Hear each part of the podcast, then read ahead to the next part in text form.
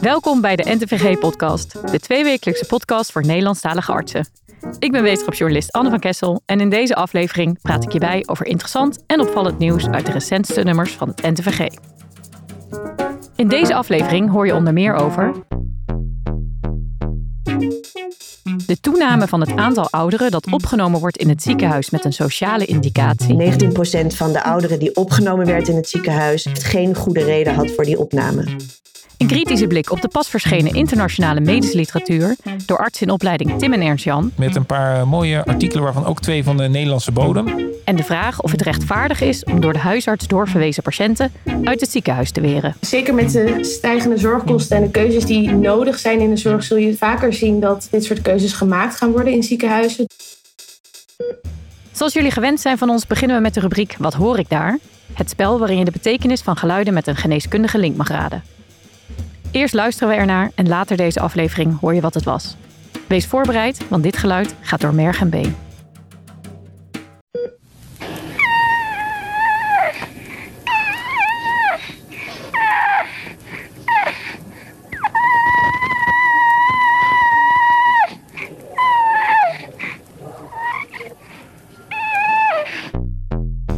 Laat het maar even bezinken, gaan wij ondertussen door met het eerste interview van Job.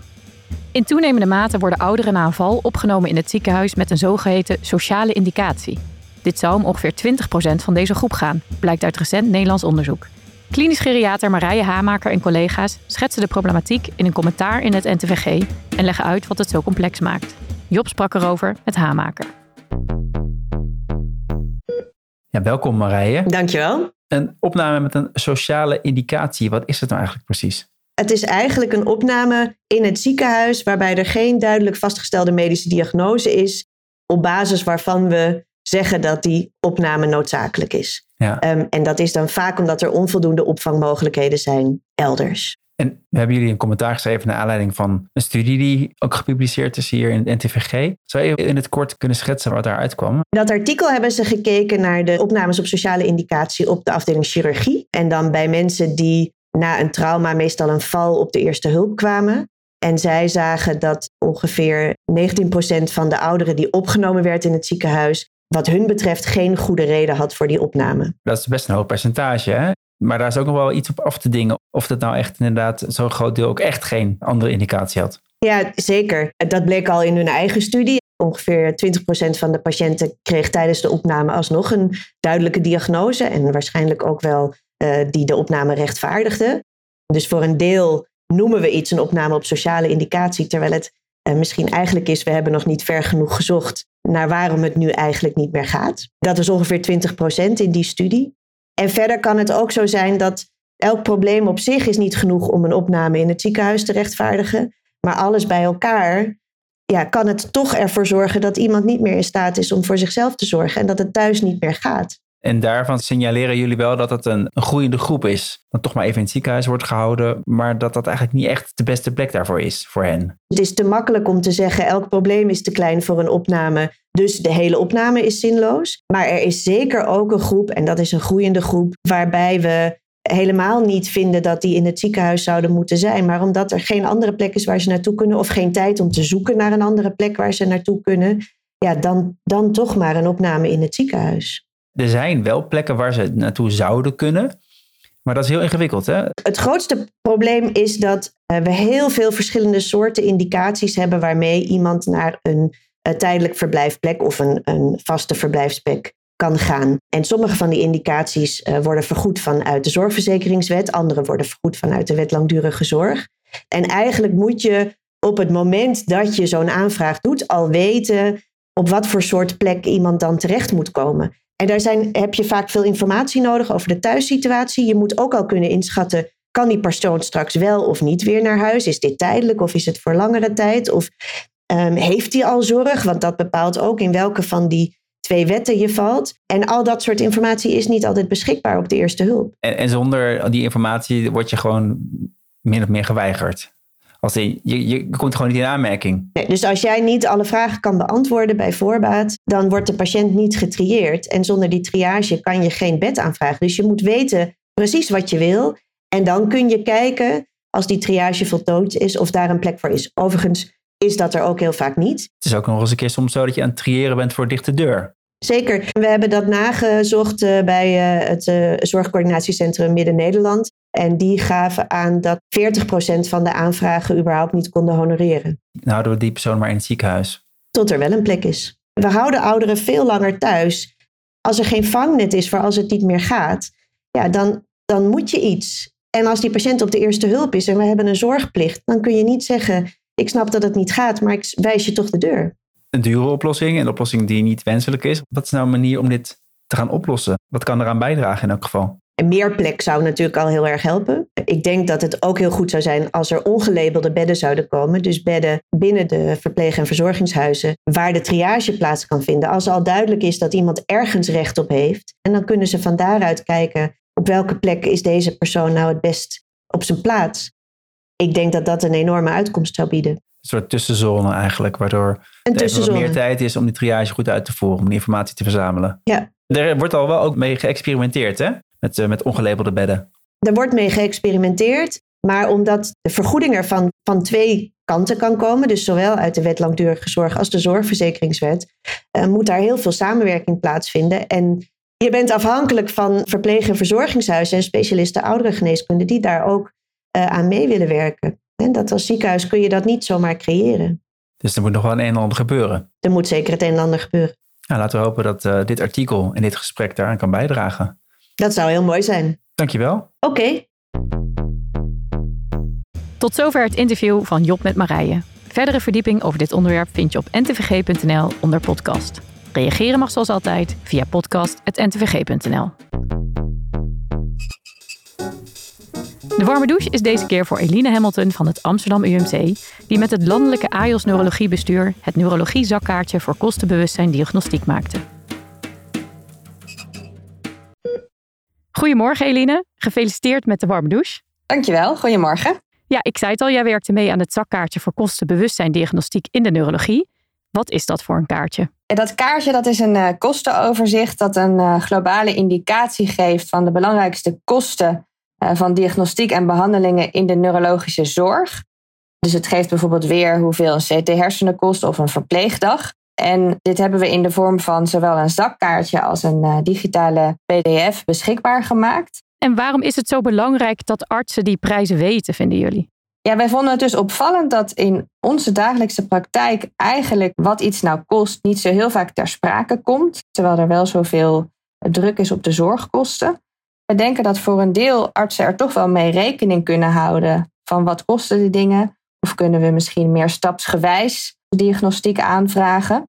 Uh, ja, we denken dat we met dit project het kostenbewustzijn een klein zetje kunnen geven. Gaan artsen ook echt anders behandelen als ze de prijzen weten? Is daar onderzoek naar gedaan? Is daar iets over bekend? Een voorbeeld van een project vanuit dat kostenbewustzijnsproject, wat in 2015 is geïnitieerd, is bijvoorbeeld het Verstandig Vinken project. En daar is wel aangetoond dat als artsen weten wat hun labonderzoeken kosten, dat ze daarmee dan bewuster omgaan met hun labaanvragen en uh, bepaalde aanvragen misschien achterwege laten of net wat minder frequent de dingen gebruiken. Dus dat is wel een voorbeeld van wat de impact van de kostenoverzichten kunnen zijn. Is er nog iets dat je collega's wil meegeven over het gebruik van het kaartje? En wat we met name hopen is dat dit eh, kaartje er af en toe eens wordt bijgepakt bij een ochtendoverdracht of ook bij een protocollenbespreking. En dat het eraan bijdraagt dat we met elkaar kritisch blijven kijken naar ons ingezette beleid. Oké, okay, helder. Dankjewel Eline. We zullen de link naar het kaartje in de show notes zetten. Oké, okay, dankjewel.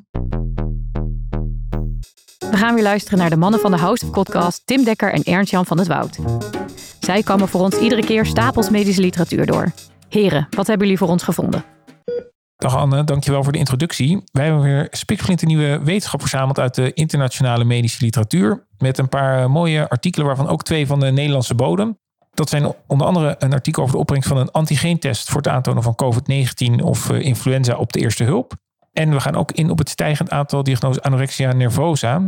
Maar dat straks eerst een Zweeds artikel. Ja, en dat vond ik wel een, een bizar stuk, want dat ging over de mogelijke overdracht van hersenbloedingen via bloedtransfusies. Ik moest dat even twee keer lezen voordat ik begreep wat er nou echt bedoeld werd. Tim, hoe zit het nou precies? Het is gepubliceerd in het JAMA. Speelt er nou echt iets en hoe is dat dan overdraagbaar? Ja, en Jean, ik, ik vond het ook heel, um, heel spannend. Het begint met de ziekte cerebrale amyloïdangiopathie. Nou, dat is een relatief frequent voorkomende aandoening. waarbij amyloïd zich opstapelt in de wand van kleine bloedvaatjes in de hersenen. Hierdoor hebben patiënten een hoog risico op hersenbloedingen, soms ook wel herhaaldelijke hersenbloedingen en daar zit het. Ja, want dat zou tot wel 20% van de hersenbloedingen kunnen verklaren. Maar ja, ik dacht dat, dat dat iets degeneratiefs was. En er zijn nu dus aanwijzingen dat dit overdraagbaar is. En wat ik uit stuk begreep is dat een beetje vergelijkbaar met de zogenaamde prionziektes.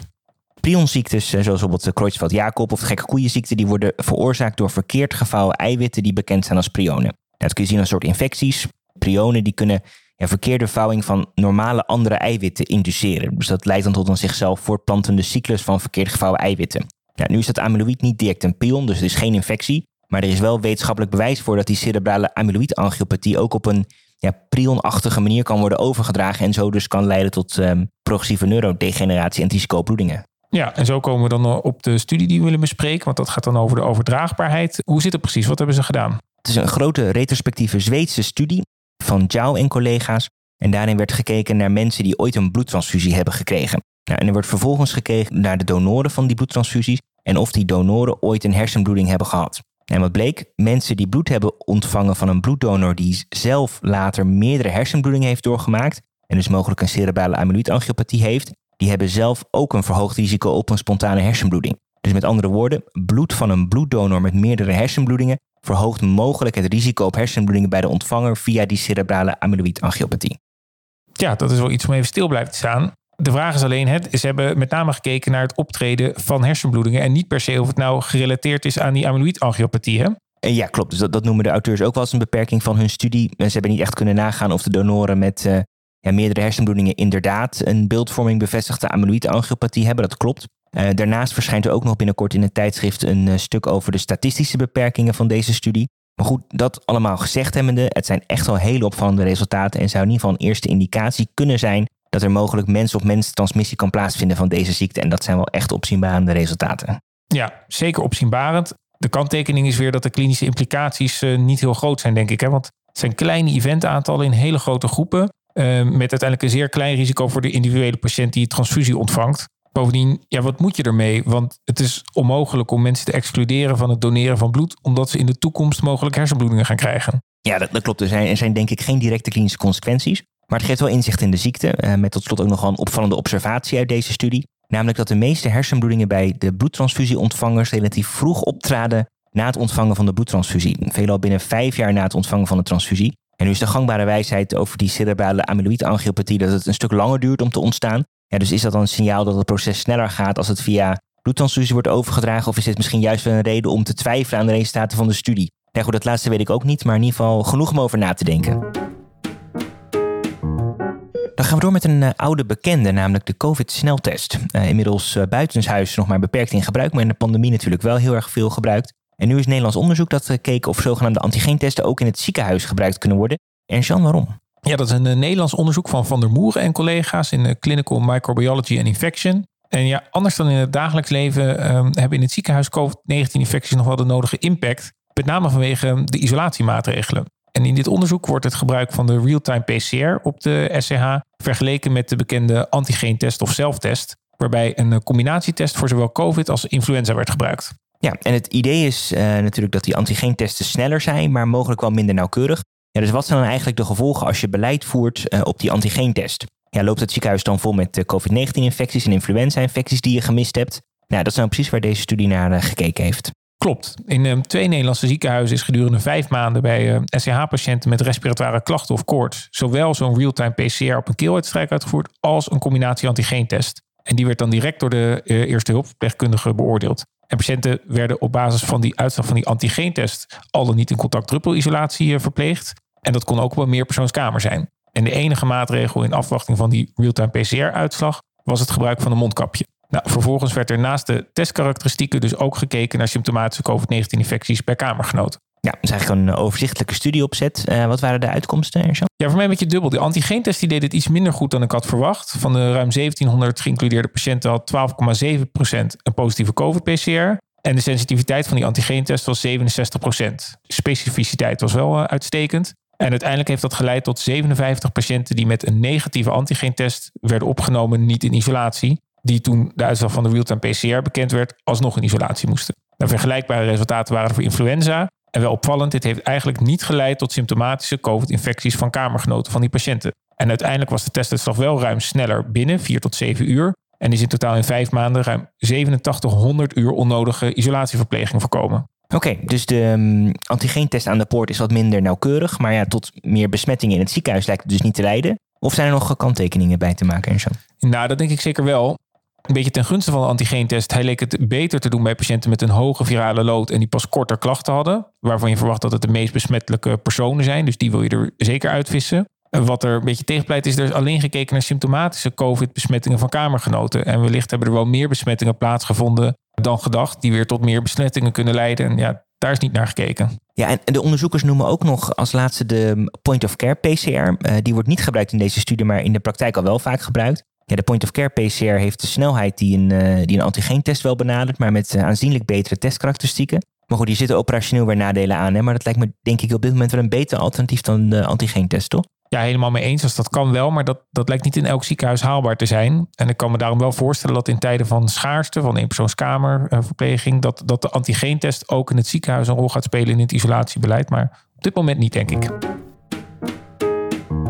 En dan sluiten we af met wel een verontrustend signaal van, van Ede en collega's, ook een Nederlands artikel. Um, dat is gepubliceerd in de International Journal of Eating Disorders. En dat gaat over de toenemende incidentie van anorexia nervosa in Nederland. Tim, jij hebt het artikel gelezen. Het leek mij reden tot zorg. Jou ook? Ja, dat denk ik ook, Ernst-Jan. De studie heeft gekeken naar de incidentie van anorexia nervosa in de eerste lijn. ze hebben gekeken in verschillende tijdsperiodes, beginnend in 1985.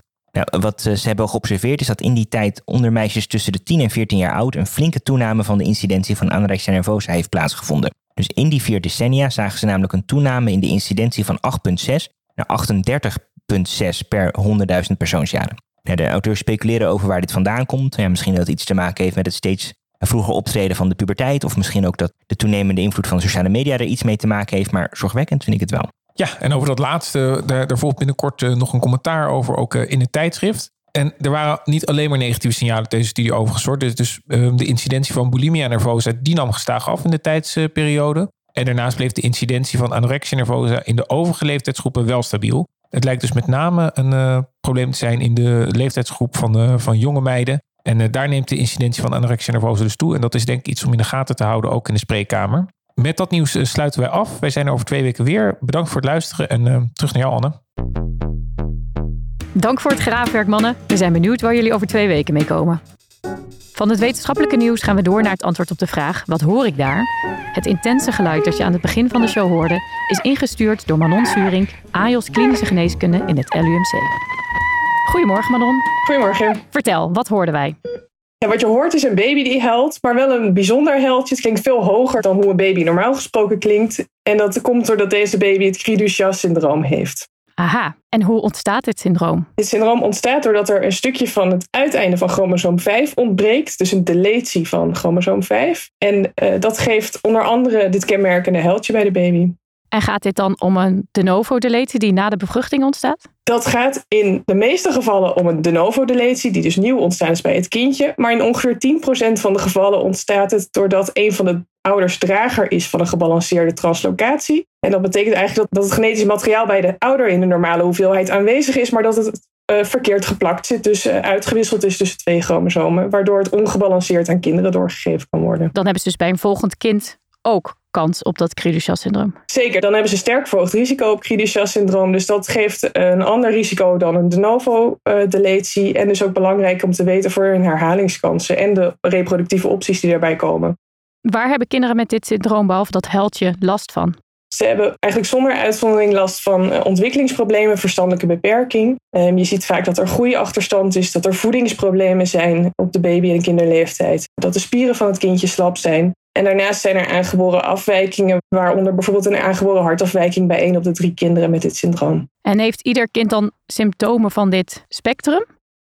Je zegt het goed, het is inderdaad een spectrum waarbij zonder uitzondering er een mate is van ontwikkelingsachterstand, maar dat kan variabel zijn. Meestal zit het aan het ernstiger einde van het spectrum, maar het kan ook mild zijn. Hangt ook nog weer een beetje samen met de grootte van de deletie. En voor de andere kenmerken geldt natuurlijk, ja, een hartafwijking is er of die is er niet. En die is er dus bij 1 op de 3 kinderen wel. En hoe vaak komt dit syndroom voor? De literatuur zegt ergens tussen de 1 op de 15.000 en 1 op de 50.000 keer. En als ik naar onze praktijk kijk, dan denk ik dat de 1 op de 50.000 keer dichtst bij de waarheid ligt. Gewoon op basis van hoe vaak we deze diagnose stellen. Dankjewel, Madon. Graag gedaan. Heb je nou ook een geluid dat je graag wil inzenden? Stuur het naar podcast.ntvg.nl en wie weet spreken we je binnenkort. In het Elisabeth II Steden ziekenhuis in Tilburg weren medisch specialisten sinds kort een deel van de patiënten die door de huisarts doorverwezen worden. Is dit op basis van verschillende ethische principes rechtvaardig te noemen? En wat als de schaarste nog verder toeneemt? Job bespreekt dit in het tweede interview van vandaag met promovenda Charlotte Bomhoff. Ja, welkom Charlotte. Eerst maar eens, wat was de aanleiding voor jullie casus? De aanleiding was eigenlijk dat wij vanuit Erasmus MC een onderzoek aan het doen zijn naar de ethische dilemma's rondom dure geneesmiddelen. En dan met name behandelingen die nog niet worden vergoed. Dus bijvoorbeeld omdat ze in de sluis staan. Of zoals het laatste geval was met Trodelphi. Dat wordt besloten om ze niet op te nemen in het basispakket. Ja. En naar aanleiding daarvan heb ik veel uh, artsen en ziekenhuisbestuurders gesproken. En hoorden wij ook dat zij naast die dilemma's ook heel erg worstelen met deze dilemma's rondom behandelingen die eigenlijk wel worden vergoed, maar gewoon nou ja, dat de wachtlijsten zo hoog oplopen door eigenlijk absolute tekorten van zorgpersoneel, dat ze daar ook keuzes in moeten maken of die niet altijd kunnen geven. En toen kwamen wij dit artikel tegen vanuit het uh, Elisabeth II Steden ziekenhuis, waar ze dus eigenlijk triage toepassen nu op uh, verwijsbrieven van huisartsen om te bekijken van of elke patiënt echt daadwerkelijk in het ziekenhuis gezien moet worden of dat het ook met een schriftelijk of telefonisch advies af zou kunnen. En naar aanleiding van daarvan hebben we besloten om dat uh, verder te gaan analyseren. Jullie zijn daar ethisch naar gaan kijken, hè? Ja. Zou je kunnen uitleggen, wat zijn jullie gaan analyseren? Hoe zijn jullie er naar gaan kijken? Nou, we zijn eigenlijk deze, deze casus of dit voorbeeld verder in kaart gaan brengen. En we hebben daarvoor gekeken naar verschillende vormen van uh, rechtvaardigheid. En wat voor vormen van rechtvaardigheid hebben we het dan over? Wat voor principes? We hebben gekeken naar vier verschillende vormen van rechtvaardigheid. Het eerste onderscheid om te maken is dat je onderscheid maakt eigenlijk gewoon ook ethisch gezien tussen relatieve schaarste, dus bijvoorbeeld tekorten aan geld of middelen vanwege de stijgende zorgkosten, of echt absolute schaarste, zo bijvoorbeeld tekort aan uh, personeel. In dit geval hè, is er nog geen sprake van dermate absolute schaarste dat er medisch noodzakelijke zorg niet gegeven kan worden, um, of dat er echt keuzes moeten gemaakt worden tussen patiënten. Dus het gaat hier echt nog om een vorm van prioriteren van zorg. Het is geen code zwart, maar precies, het is echt nog precies. duidelijk prioriteiten stellen in. Ja. ja, precies. En daar hebben wij dan naar gekeken vanuit verschillende rechtvaardigheidstheorieën. We hebben gekeken vanuit vier theorieën. De eerste is het utilisme. Dat draait eigenlijk echt om het maximaliseren van gezondheidswinst. Dus je wil bijvoorbeeld die mensen helpen die de meeste baat bij een behandeling zouden kunnen hebben. Mm-hmm. Uh, je hebt dan het egalitarisme. Dat is een andere stroming. Daarbij gaat het meer om het verdelen van zorg naar behoeften. Zodat iedereen gelijke kansen heeft om gezond te zijn en om mee te kunnen draaien uh, in de maatschappij. Um, dan heb je nog het prioritarisme. Daarbij geef je eigenlijk voorrang aan diegenen die de zorg op dat moment het hardste nodig hebben. En die je dus prioriteit geeft op dat moment. En je hebt dan het Ja. sufficiëntarisme. En daarmee probeer je eigenlijk iedereen naar een gezondheidsniveau te brengen dat je als voldoende beschouwt. En wat kwam eruit? Op dit moment, als je kijkt naar deze casus, er worden dus geen keuzes gemaakt tussen patiënten. Dus het is eigenlijk niet zo dat patiënten medisch noodzakelijk zorg niet krijgen. Mhm. Je maakt eigenlijk een onderscheid tussen prioriteren en ransoneren. En dit is echt een vorm van prioriteren. En dat is eigenlijk ja, vanuit al die vier de rechtvaardigheidstheorieën ook goed te rechtvaardigen. Zeker vanuit het egalitarisme zorgt het voor dat degenen die de grootste zorgbehoefte hebben op dat moment ook zorg krijgen. En dat in principe iedereen wordt getrieerd en heeft dus gelijke zorg. Um, vanuit het prioritarisme zorgt ook dat triëren ervoor dat mensen die zorg het hardst nodig hebben op dat moment toegang kunnen krijgen. En dat sluit dus ook aan bij het sufficiëntarisme. Um, en zeker omdat het hier niet gaat om het ontzeggen van medisch noodzakelijke zorg en dus ook wellicht leidt tot het voorkomen van overbehandeling of overdiagnostiek en niet zozeer van het missen van zorg, past het ook goed binnen het utilisme. Het verschil wat je benoemt hè, tussen prioriteren en, en. Waarom is dat zo cruciaal, zo belangrijk wat jullie betreft? Zeker met de stijgende zorgkosten en de keuzes die nodig zijn in de zorg, zul je vaker zien dat dit soort keuzes gemaakt gaan worden in ziekenhuizen. En ik denk dat dat verschil heel relevant is, omdat dat maakt het ook inzichtelijk voor zorgprofessionals welke keuzes ze op dat moment aan het maken zijn. En omdat het dus ook nog wel echt een verschil is of je dus ransoneert en kiest tussen patiënten. Want daarbij maak je echt keuzes op basis van wie krijgt de zorg wel, wie krijgt de zorg niet. Um, en wordt mogelijk medisch uh, noodzakelijke zorg die je nu wel zou geven, misschien niet meer gegeven. Terwijl bij dit, in dit eerste geval, wat ze hier in het Elisabeth II Steden ziekenhuis doen, Daar gaat het echt om prioriteren en gaat het eigenlijk alleen om zorg die misschien dus ook niet nodig was geweest, die dan niet wordt gegeven. En als dat onderscheid helder is, dan helpt dat om artsen en bestuurders die keuzes uh, te kunnen maken. En jullie pleiten er ook voor om dit een soort van uniform te maken, zodat duidelijkheid is, dat er ook niet willekeur ontstaat. Hoe zou dat bijvoorbeeld kunnen? Wij pleiten inderdaad voor om dit soort keuzes zoveel mogelijk expliciet te maken. Dus dat deze keuzes niet impliciet worden gemaakt, zodat het duidelijk is voor patiënten. Je zou het liefst daar toch een soort landelijk in protocol zoiets hebben. Maar dat is, ja, is natuurlijk altijd twee kanten. Want aan de ene kant helpt het centraliseren hiervan. Uh, geeft ook een stukje procedurele rechtvaardigheid en gelijkheid voor iedereen. En het garandeert gelijke toegang. Er is ook wel behoefte aan onder artsen en zorgbestuurders om, uh, om in ieder geval hulp te krijgen bij dit soort keuzes. En aan de andere kant perkt dat natuurlijk ook weer de vrijheid in van de individuele dokter. En dat wil je ook niet. En blijft het ook een medische afweging en een individuele afweging. Dus dat, ja, dat houdt altijd twee kanten. Ja. Een soort houvast, maar uiteindelijk moet die klinische blik centraal blijven staan, lijkt mij inderdaad. Kan ik me voorstellen. Ja. ja. Dankjewel. Graag gedaan. Over dit onderwerp valt natuurlijk nog veel meer te zeggen. Het uitgebreide artikel van Bomhoff is te vinden in het magazine en op ntvg.nl. Op naar het laatste onderdeel van de show, de tip van de redactie. Collega Job de Vries sprak hiervoor met nieuwsredacteur Rosie Sikkel. Welkom terug, Rosie. Dankjewel. Wat heb je deze keer meegenomen? Ik heb dit keer een interviewreeks van mijn collega Lorette Harbers. Zij sprak met drie artsen over professionele afstand. Ze sprak met een uh, internist-oncoloog, met een huisarts en met een orthopedisch chirurg uh, over dit onderwerp. Ja, ik vond het wel interessant, want het is niet alleen over afstand, maar ook over nabijheid. Hè? Ja, er zijn van die begrippen. Iedereen heeft het daar altijd over. Er blijven altijd een beetje van die begrippen van ja, wat betekent nou eigenlijk in praktijk? Ja. ja, hoe gaan verschillende artsen daarmee om? En ik vond het wel interessant om terug te zien ja, dat het dus ook per persoon, maar ook per specialisatie enorm verschilt hoe dat begrip wordt ingevuld. En hoe werkt dat laatste dan vooral? Een persoonlijke stijl kan ik me voorstellen, maar hoe dat per professie verschilt? Het is natuurlijk de aard van de ziektebeelden die heel erg eh, van invloed is op hoe je met patiënten omgaat. Je kunt je natuurlijk voorstellen, een oncologische patiënt heb je natuurlijk wel vrij eh, persoonlijke en, en intense band met je patiënten. En uh, ja, die orthopedische chirurg die ziet gewoon 40, 50 patiënten per dag. Dus die heeft maar 10 minuten om ja, het vertrouwen te winnen van zijn patiënten, zeg maar. En, en gewoon een band op te bouwen. Ja. ja, en in hoeverre is het nou inderdaad vooral persoonlijke keuze, persoonlijke stijl? In hoeverre wordt de bandbreedte dan toch nog wel bepaald door de opleiding en door het, het vak? Zowel de internist als de huisarts zeggen allebei van ja, werk is werk en privé is privé. En dat lijken dan hele duidelijke scheidslijnen, maar toch, als Lorette langer met ze spreekt, dan zie je dat het toch wel wat vervaagt in sommige situaties. En wat ze dus alle drie ook wel beschrijven, is dat ze ja, binnen hun werkomgeving, dus in het ziekenhuis, dat wel gewoon echt een plek is voor kwetsbaarheid en open gesprekken, waarin ze dus ook wel eens wat van hun eigen achtergrond uh, delen. Maar wat ze alle drie aangaven was dat ze buiten die, die normale werkomgeving, dat het dan gewoon niet meer prettig voelt. Dus als je een, een patiënt tegenkomt in de kroeg, of dat bijvoorbeeld de internist-oncoloog, die vindt het dan niet fijn om bij mensen thuis te komen. Die komt ook niet op begrafenissen, zegt ze. Uh, heeft dat dan wel een keer gedaan, maar merkt dan toch van ja, het voelt gewoon alsof je buiten je, ja, je normale professionele werkomgeving dan komt. En dat voelt dan toch heel anders. Ja, nou, dat lijkt me typisch zo'n stuk wat je gaat lezen om te kijken van waar herken ik me het meest in en waar helemaal niet. Ja, ja, zeker. Ja, dankjewel. Jij bedankt. Hiermee zijn we aan het einde gekomen van deze aflevering. Over twee weken hoor je ons weer en praat mijn collega Jot de Vries hierbij over het laatste medische nieuws. Heb je een vraag of een suggestie voor een van onze rubrieken? Laat het ons weten via podcast.ntvg.nl. Waardeer je onze podcast? Stuur ons dan door naar die ene collega waarvan je zeker weet dat hij of zij ons ook kan waarderen. En laat vooral een review achter door een aantal sterren te geven. Zo help je ons om niet alleen de beste, maar ook de best beluisterde medische podcast van Nederland te worden.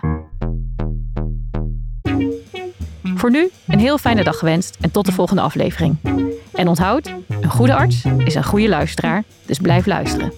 Dit is een podcast van de NTVG-redactie in samenwerking met mij, Anne van Kessel, Job de Vriese, Tim Dekker, Ernst-Jan van het Woud en audiocollectief Visionair Ordinaire.